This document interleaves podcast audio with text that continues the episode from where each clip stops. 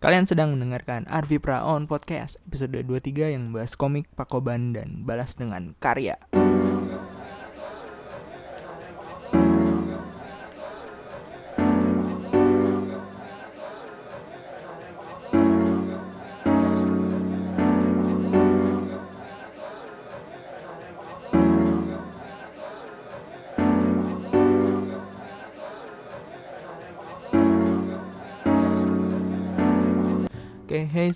Apa kabar? Gimana kemarin? Puas gak tuh? Dua jam. Gue yakin sih, pasti ada apa, gimana ya?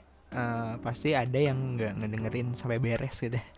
Saya gila, dua jam lama banget. Eh, gue, ya maaf ya kalau misalkan kelamaan eh, Dua jam. Terus bahasannya ke mana-mana dan segala macam. Gue juga pas waktu apa di tempat juga bingung aduh ini ngepotongnya gimana? Ini apa eh, baru panasnya tuh setelah berapa ya 40-50 menit eh, awal tuh eh, ke sananya tuh baru panas gitu dan dan, dan ya apa gue bingung ngepotongnya gimana terus juga bahannya juga makin makin makin lama tuh makin makin oke makin asik gitu kan. Jadi ya jadi molor sampai dua jam gitu.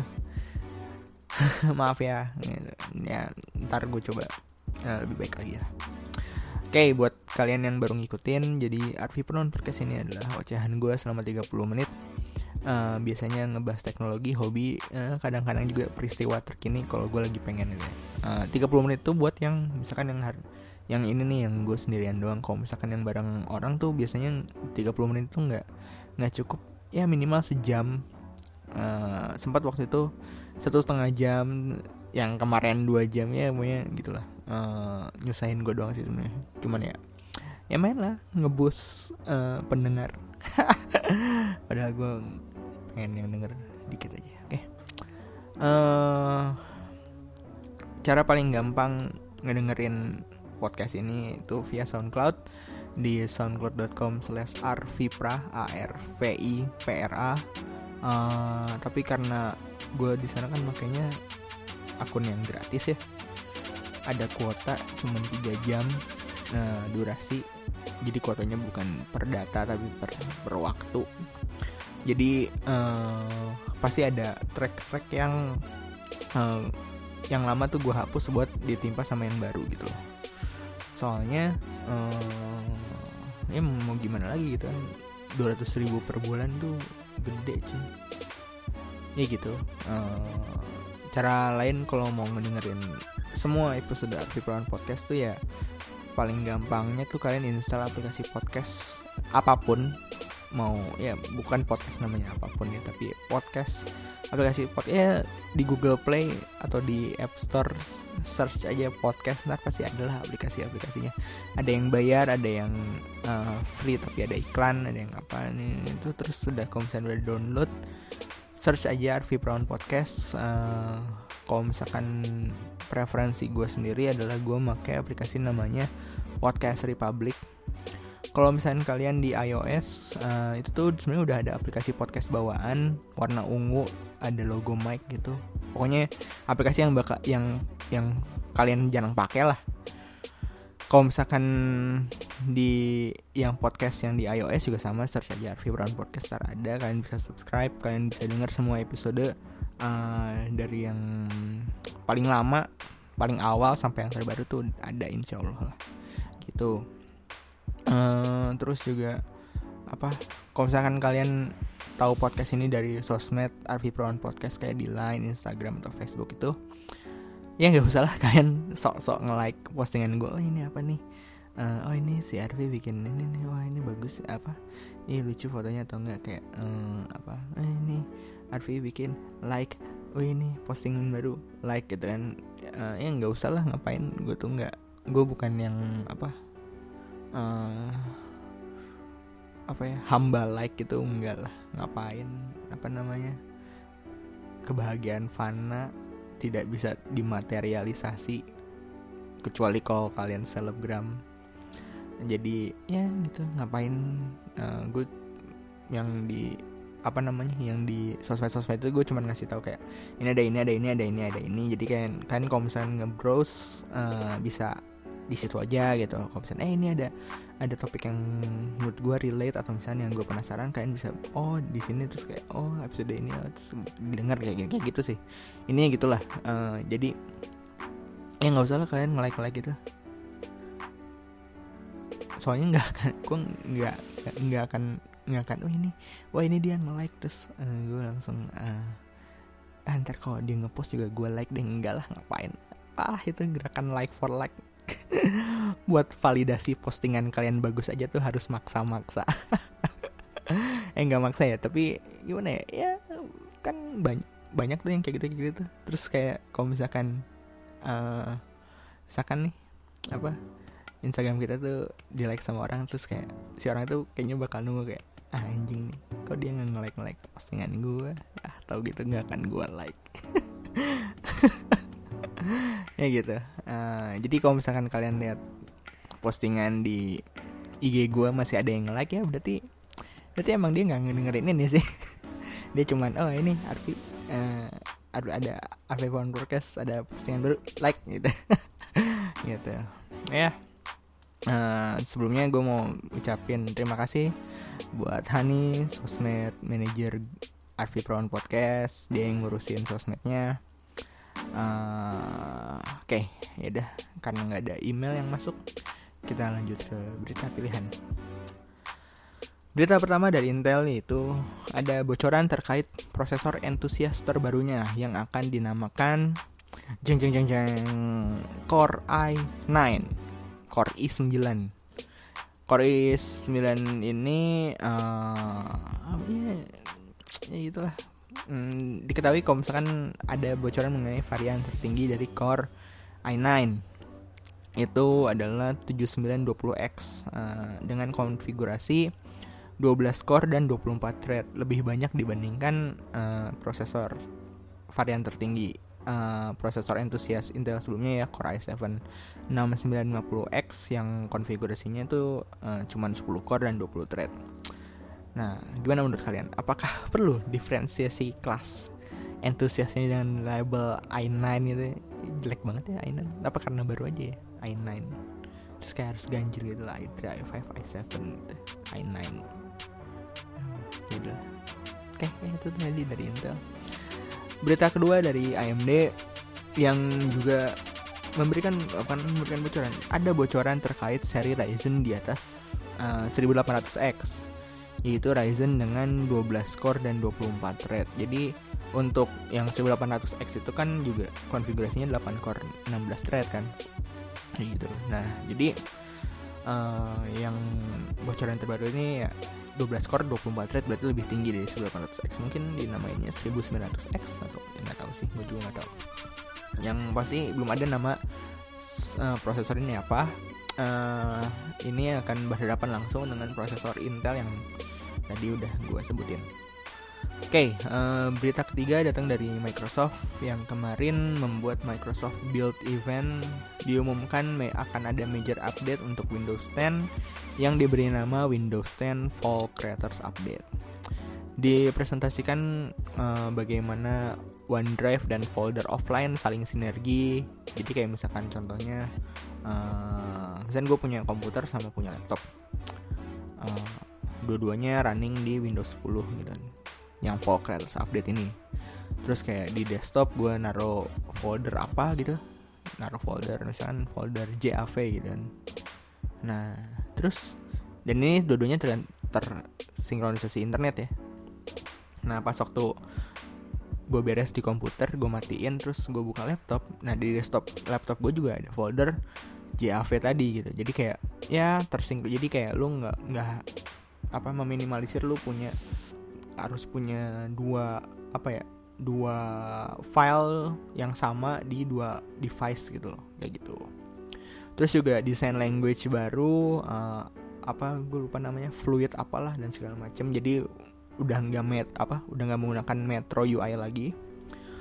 Terus ada sinergisasi antar perangkat Windows misalkan kayak copy paste uh, apa antar device itu kan uh, apa hmm, bukan test manajernya jadi kayak ada ada fitur timeline gitu. Jadi kayak misalnya kita bisa ngecek uh, sebelum sebelumnya itu tuh kita udah ngapain aja dan dan dan dan itu di bisa diakses di semua perangkat Windows 10 Windows 10 yang uh, akun Windowsnya sama seperti itu.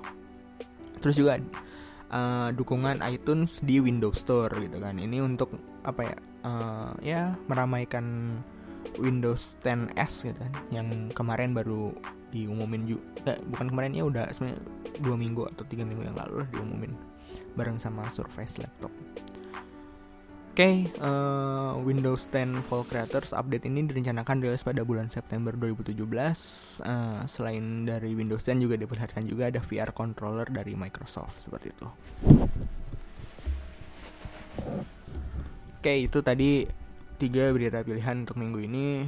Uh, jadi hari Minggu kemarin gue ke Bandung, hmm, apa gue datang ke pasar komik Bandung ya di Braga City Walk. Banyak komikus yang datang.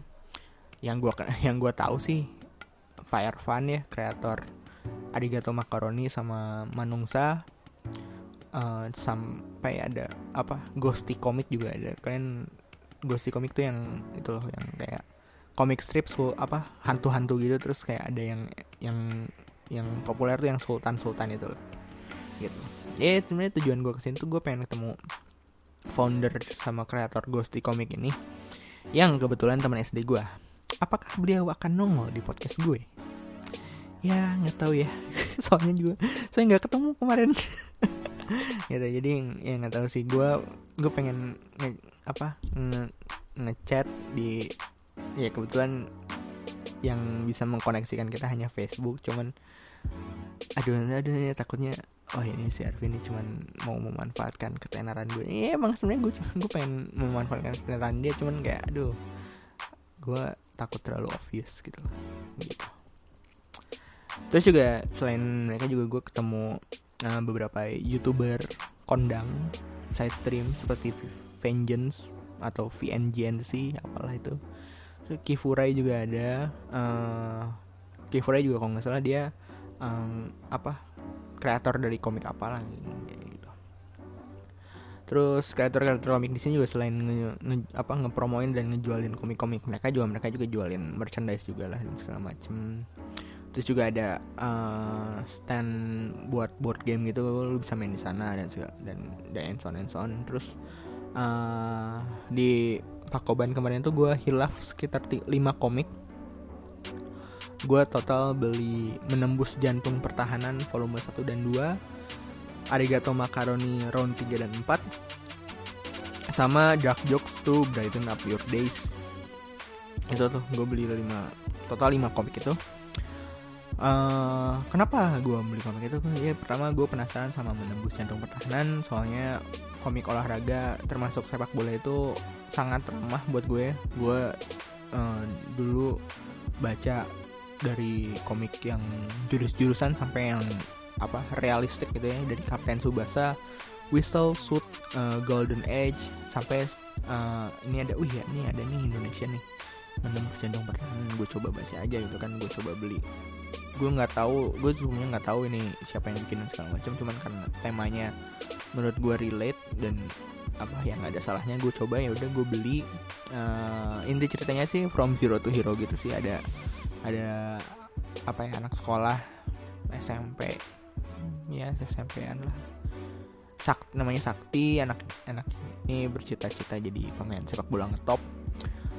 Buat gue sih uh, gambarnya gue kurang serak uh, ya gue sih kayak ya masih volume awal inilah gitu kan. Shield juga art di volume awalnya kan sampah gitu tapi setelah arc, arc turnamen pertama tuh langsung bagus.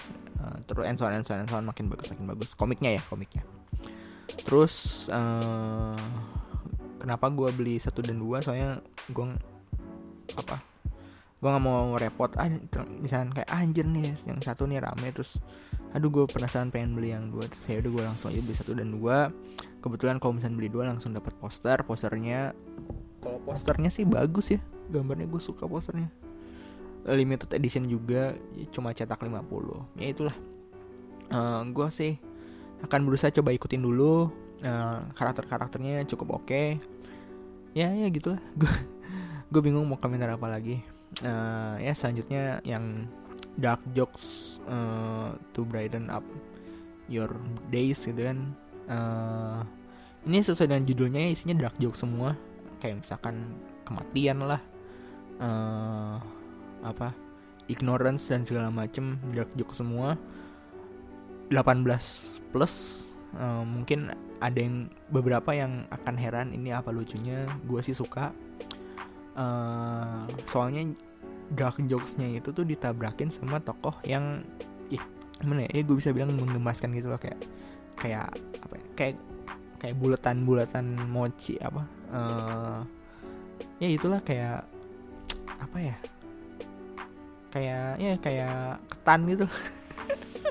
Gue nggak tahu ngedeskripsinya gimana. Pokoknya kayak ketan gitu putih bulat lucu gitu nah terus pas waktu gue beli juga gue dapet pin sama uh, bonus stiker terus sama apa eh enggak uh, yang bonus itu stiker sama kayak kartu ucapan gitu yang selain selain komiknya gue beli pinnya juga.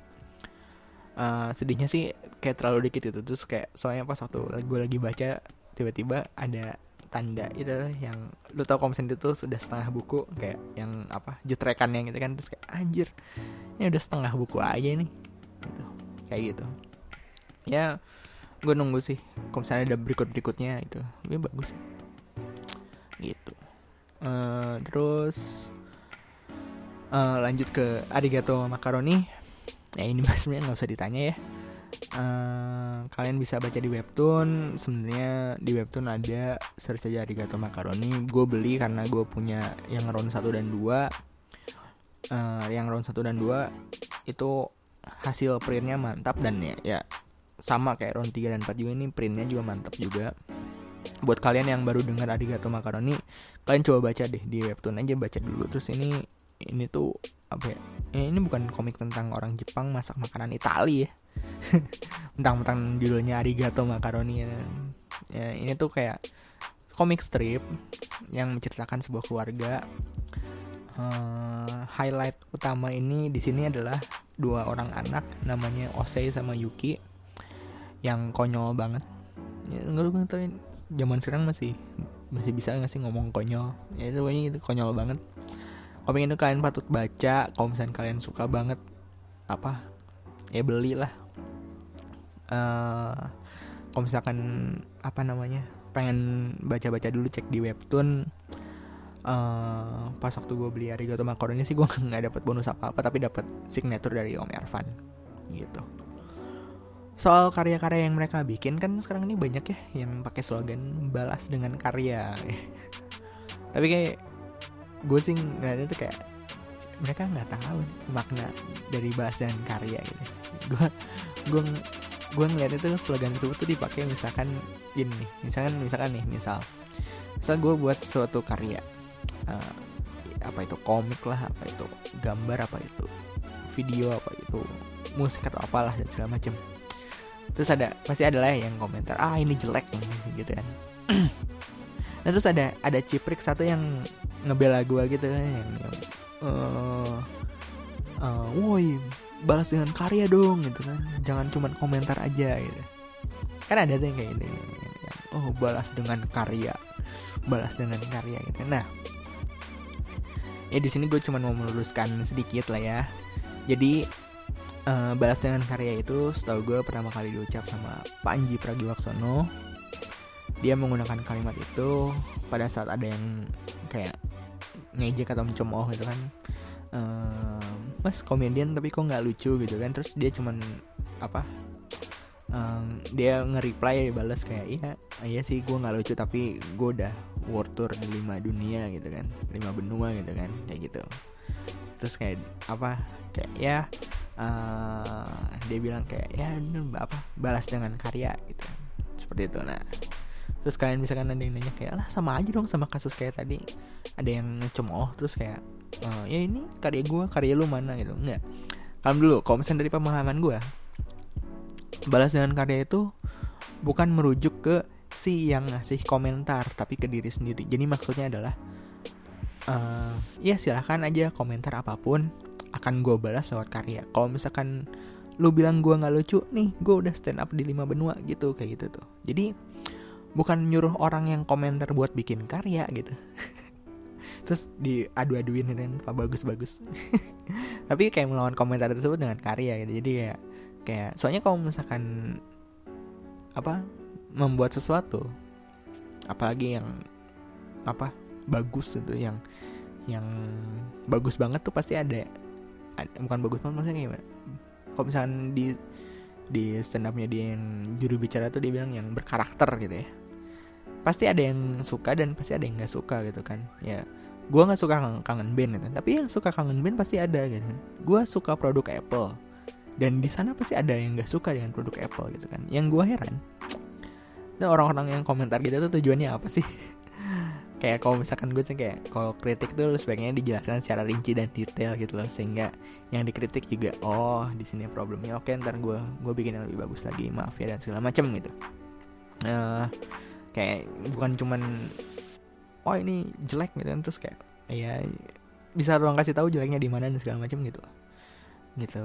Dan dari situ kan kayak bisa membuat si karyanya tuh ya lebih baik lagi gitu kan. Kalau cuman pembuktian kayak lu bisa lebih baik dari orang lain sih ngapain lah ya.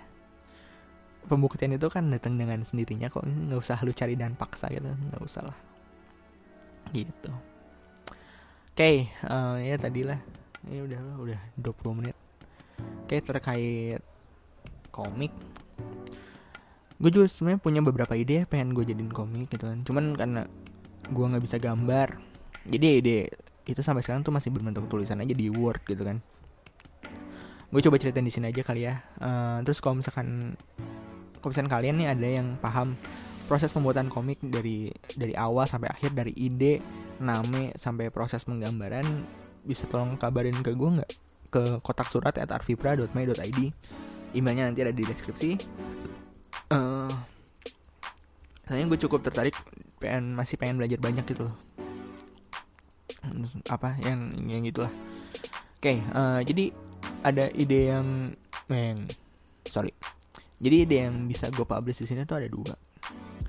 Yang pertama itu apa ya gue kasih judul Hain Hainun ya yang di mana judulnya gue ambil dari ultinya Macri di Overwatch gitu kan. Emang masih working tadi santai lah. Ya gue tulis ini Hainun ya emang emang karena pas waktu itu lagi pikiran itu dan jadi jadi di Hainun ini ada ABG gitu umur 17 tahun.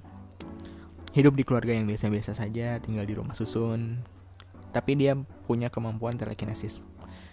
Uh, mirip-mirip Force di Star Wars lah, bisa ngegerakin objek menggunakan pikiran gitu ya. Dia apa uh, geek superhero gitu, dia suka nonton nonton komik superhero. Orang tuanya, terutama ibunya, menganggap anaknya tuh aneh karena ke, uh, aneh karena punya kekuatan itu tuh telekinesis itu dan sangat melarang anaknya untuk menggunakan telekinesisnya itu. Uh, pada akhirnya di sekolah dia uh, sedikit menjauh dari teman-temannya karena dia merasa aneh dan takutnya dia membahayakan teman-temannya dan so and so and so so. Terus orang-orang di sekolah pun langsung ngejut dia sebagai orang aneh. Uh, satu-satunya pelarian kebahagiaan dia adalah hal hal-hal yang mengenai superhero gitu kan. Di mana dia menganggap superhero karena dia bisa percaya diri dengan keanehannya dan malah menolong orang banyak gitu kan. Dia percaya bahwa everything happens for a reason. Uh, di situ tuh gue udah ngebayangin ada adegan orang tuanya kayak minta diambilin barang terus dia kayak ambil dengan menggunakan telekinesisnya gitu kan. Terus dari situ dia mulai apa dianggap aneh.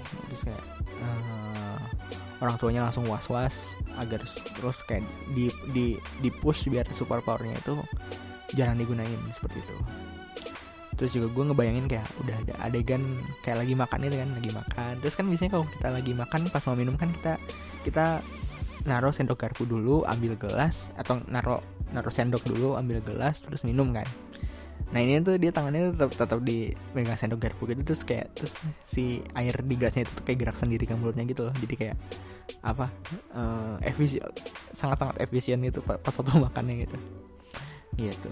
Uh, karakter lain yang yang kepikiran sama gue sih gue kayak mau bikin rivalnya gitu. Macam ya macam komik Jepang lah ada rivalnya gitu. Rivalnya ini kayak ketua geng sekolah yang suka ngebully orangnya mudi jadi pas waktu bareng sama gengnya itu dia uh, tipikal pemimpin yang kalem dingin dan segala macam. Tapi kalau misalkan uh, begitu ada masalah tuh dia tiba-tiba bisa langsung moodnya tuh langsung apa uh, berubah. Jadi lebih apa langsung marah langsung outrageous gitu. Uh, dia punya kekuatan mengendalikan kalor. Jadi bukan pengendali api atau es ini pengendali kalor. Uh, jadi ya kalau misalnya nggak tahu kalor bisa coba bu apa googling atau buka buku fisika kalian. Uh, dia bisa merubah jadi pengendali kalor ini dia bisa mengubah suhu objek yang dia pegang dengan cara menyerap atau memberikan kalor gitu kan. Ya kalau misalnya menyerap kalor kan berarti si suhu objeknya makin dingin kan. Dengan kalau tapi kalau misalnya memberikan kalor si suhu objeknya semakin uh, panas gitu seperti itu. Simpelnya gitu. Terus ya risetnya gue baru sampai situ sih. Belum gue lanjutin lagi. Dasar ceritanya tuh yang mau gue bangun tuh cukup simple. Ya kayak bayangin aja ada remaja yang punya minat dan bakat di bidang tertentu tapi banyak gangguan eksternal yang menghambat dia. Kayak misalkan uh, ya tadi orang tuanya nggak suka lah teman-teman yang nganggap dia aneh uh, kepercayaan dirinya kurang gitu kan. Apa uh, apa yang dia suka itu nggak berlaku di apa lingkungannya dan segala macam menson menson menson gitu nah uh, perjuangan mempertahankan prinsip everything happens for a reason gitu dan identitas diri si anak itu tuh yang pengen gue tekanin gitu seperti itu Terus satu lagi ide yang udah gue konsepin itu ceritanya tentang zombie apocalypse. Tapi si zombie-zombie ini tuh bukan bukan nyerang atau makan manusia karena lapar, lapar pengen daging, pengen darah atau apa gitu. Tapi tapi kayak uh, dia tuh butuh listrik gitu loh. Dan ini misalnya kan di di tubuh kita kan ada elektrolit elektrolit terutama di otak. Yang apa yang mengalirkan data dari otak ke tubuh dan segala macam itu jadi jadi pokoknya intinya tuh mereka tuh sangat sensitif terhadap aliran listrik. Sehingga para survivor survivor yang masih bertahan hidup tuh harus bisa bertahan tanpa listrik gitu. Atau meminimalisir penggunaan listrik. Uh, eh, gue kepikiran tokoh utamanya itu cewek. Umur 17-19 tahun anak orang kaya. Sangat sosialita apa-apa tuh harus update harus harus eh, ini kita ya, apa uh, Snapchat dulu Snapchat ya. uh, Instagram live dulu Instagram live gitu kan gitu. Uh, latarnya tuh di Jakarta tahun 2000 sekian sekian itu kan. Uh, gue mikirnya tuh sekitar 2030 atau 2040 jadi di situ kota Jakarta tuh udah rapi maju gitu kan rumah-rumah menggunakan smart system uh, transportasinya tuh udah otonomus uh, gerak sendiri gitu kan. Dan saat itu Indonesia tuh karena pembangunan sudah oke okay, Indonesia mulai fokus ke ranah militer. TNI ingin melakukan uji coba terhadap teknologi tempur terbaru. Jadi kayak bikin exoskeleton gitu untuk meningkatkan performa prajurit. Jadi kayak semacam rangka rangka mesin yang ditanamin di tubuh sehingga uh, pergerakannya tuh gimana ya? Jadi kalau misalnya menggunakan exoskeleton itu para tentara tuh bisa larinya tuh lebih kencang gitu kan melompat bisa lebih jauh refleksnya tuh sangat cepat seperti itu. Nah pada satu coba ada satu tentara yang mengalami kecelakaan. Bus yang buat buat apa melompat lebih jauhnya itu tuh uh, mengalami malfungsi sehingga jatuh di limbah di suatu power plant. Beberapa hari kemudian nyamuk-nyamuk di sekitaran limbah itu tuh mulai bertingkah aneh. Mereka seakan-akan tertarik dengan sumber listrik uh, lebih agresif dan tidak terkendali gitu kan sampai nyamuk-nyamuk ini mengerumuni power plant yang di dekat mereka gitu kan. Karena kan dekat limbah power plant itu kan limbah power plant gitu kan gitu. Di situ kayak para para pegawai itu cuman heran kayak itu banyak banyak nyamuk tapi masih bisa aja gitu nggak lari nggak. Cuman apa kayak ngelawan itu loh kayak kayak mukul-mukul dan segala macam. Sampai ada satu pegawai yang terkena gigitan nyamuk tersebut gitu kan. Gigitan nyamuk itu nggak seperti biasanya karena disertai sengatan listrik gitu. jadi kayak misalnya di kan cuma sakitnya kayak gitu. Jadi kayak sampai si sengatan listrik itu bisa ngelumpuhin pegawai tersebut gitu kan. Nah ada pegawai yang lumpuh karena diseng di digigit nyamuk gitu kan. Terus pegawai yang lain menghampiri gitu kan coba ngebangunin atau apa pegawai yang tadi yang tergigit tadi gitu kan uh, di situ yang tadi kegigit itu tuh mukanya mulai pucat kebiruan terus rambutnya tuh kayak ngeluarin asap-asap itu kayak kebakar. Ada salah satu pegawai yang mencoba nelpon ambulans itu kan. Uh, saat nada sambung kedua yang kan yang pertama kan tut. Nah pas yang kedua nih yang tut itu kan si pegawainya bangun. Pegawai yang yang lumpuh tadi yang yang jatuh tadi bangun terus kayak menatap ke handphone yang digunakan untuk telepon ambulans terus tiba-tiba nyerang si yang telepon itu dengan agresif dan ya itulah awal dari zombie apocalypse di Indonesia. Uh, sebelum gue membuat cerita ini tuh gue suka penasaran kalau manusia hidup tanpa listrik akan seperti apa gitu ya. kalau misalnya manusia hidup tanpa listrik mungkin uh, banyak yang kayak mikirnya kayak wah oh, ini jam apa balik lagi ke zaman batu balik lagi ke zaman batu nah ini gue pengen kayak pengen coba sebenarnya kalau misalnya balik lagi ke zaman batu ya nggak uh, akan ada bedanya karena belum ada rasa kebutuhan akan listrik gitu. Nah tapi cuman kalau misalkan uh, di dunia modern dan tiba-tiba lu harus nggak boleh menggunakan listrik kan bisa banyak tuh apa gambaran-gambaran ntar survivability-nya tuh seperti apa dan segala macam gitu. Kayak gitu.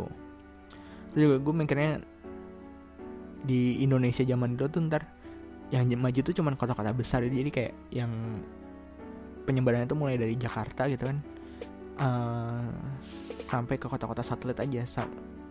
Pas waktu udah masuk ke ke ranah-ranah yang daerah-daerah. Jadi ada ketimpangan pembangunan. Jadi emang yang yang maju tuh cuman kota-kota besar aja gitu. Jadi kayak di kota-kota kecil tuh nggak nggak ada uh, masalah yang berarti gitu. Tapi siapa tahu si, si apa penyebabnya itu bisa bermutasi dan segala macam kayak gitu. Uh, si cerita ini juga bisa dikaitkan dengan konspirasi pemerintah atau misalkan kayak negara luar pengen ngambil SD sumber daya alam Indonesia ya kira-kira begitulah. Uh, working title buat yang ini tuh gue kasih judul tuh Dead Signal, Dead Signal, ya itulah seperti itu. Oke, okay, uh, eh, itu aja untuk minggu ini. Uh, terima kasih sudah mendengarkan. Kalau mau komentar, nanya-nanya, kritik atau saran bisa kirim ke kotak email ke kotak surat at. Kalau apa ya, misalnya kalian repot banget ngirim email gitu, kalian nggak kasih apa itu aplikasi email di smartphone dianggurin. Pokoknya kenapa email? Soalnya sosmed tuh gue cuman terima report aja kayak uh, ya ini apa ini udah di post uh, like-nya sekian dan segala macam ya. dan lain-lain lah nggak gue nggak megang nggak megang sosmednya uh, kalau misalkan kalian komen di SoundCloud cepat atau lambat akan kehapus buat episode terbaru jadi email aja lah biar gue juga bacanya enak nanti semua emailnya gue bacain di podcast episode berikutnya buat yang mau bikin podcast bisa cek blueberry.com blu brry.com pakai kode Arfi Brown Podcast akan mendapatkan satu bulan gratis untuk mencoba. Cek deskripsi untuk info yang lebih lanjut. Oke, itu aja. Sekian dari gue. Temukan passion kalian dan jadi yang terbaik. Bye.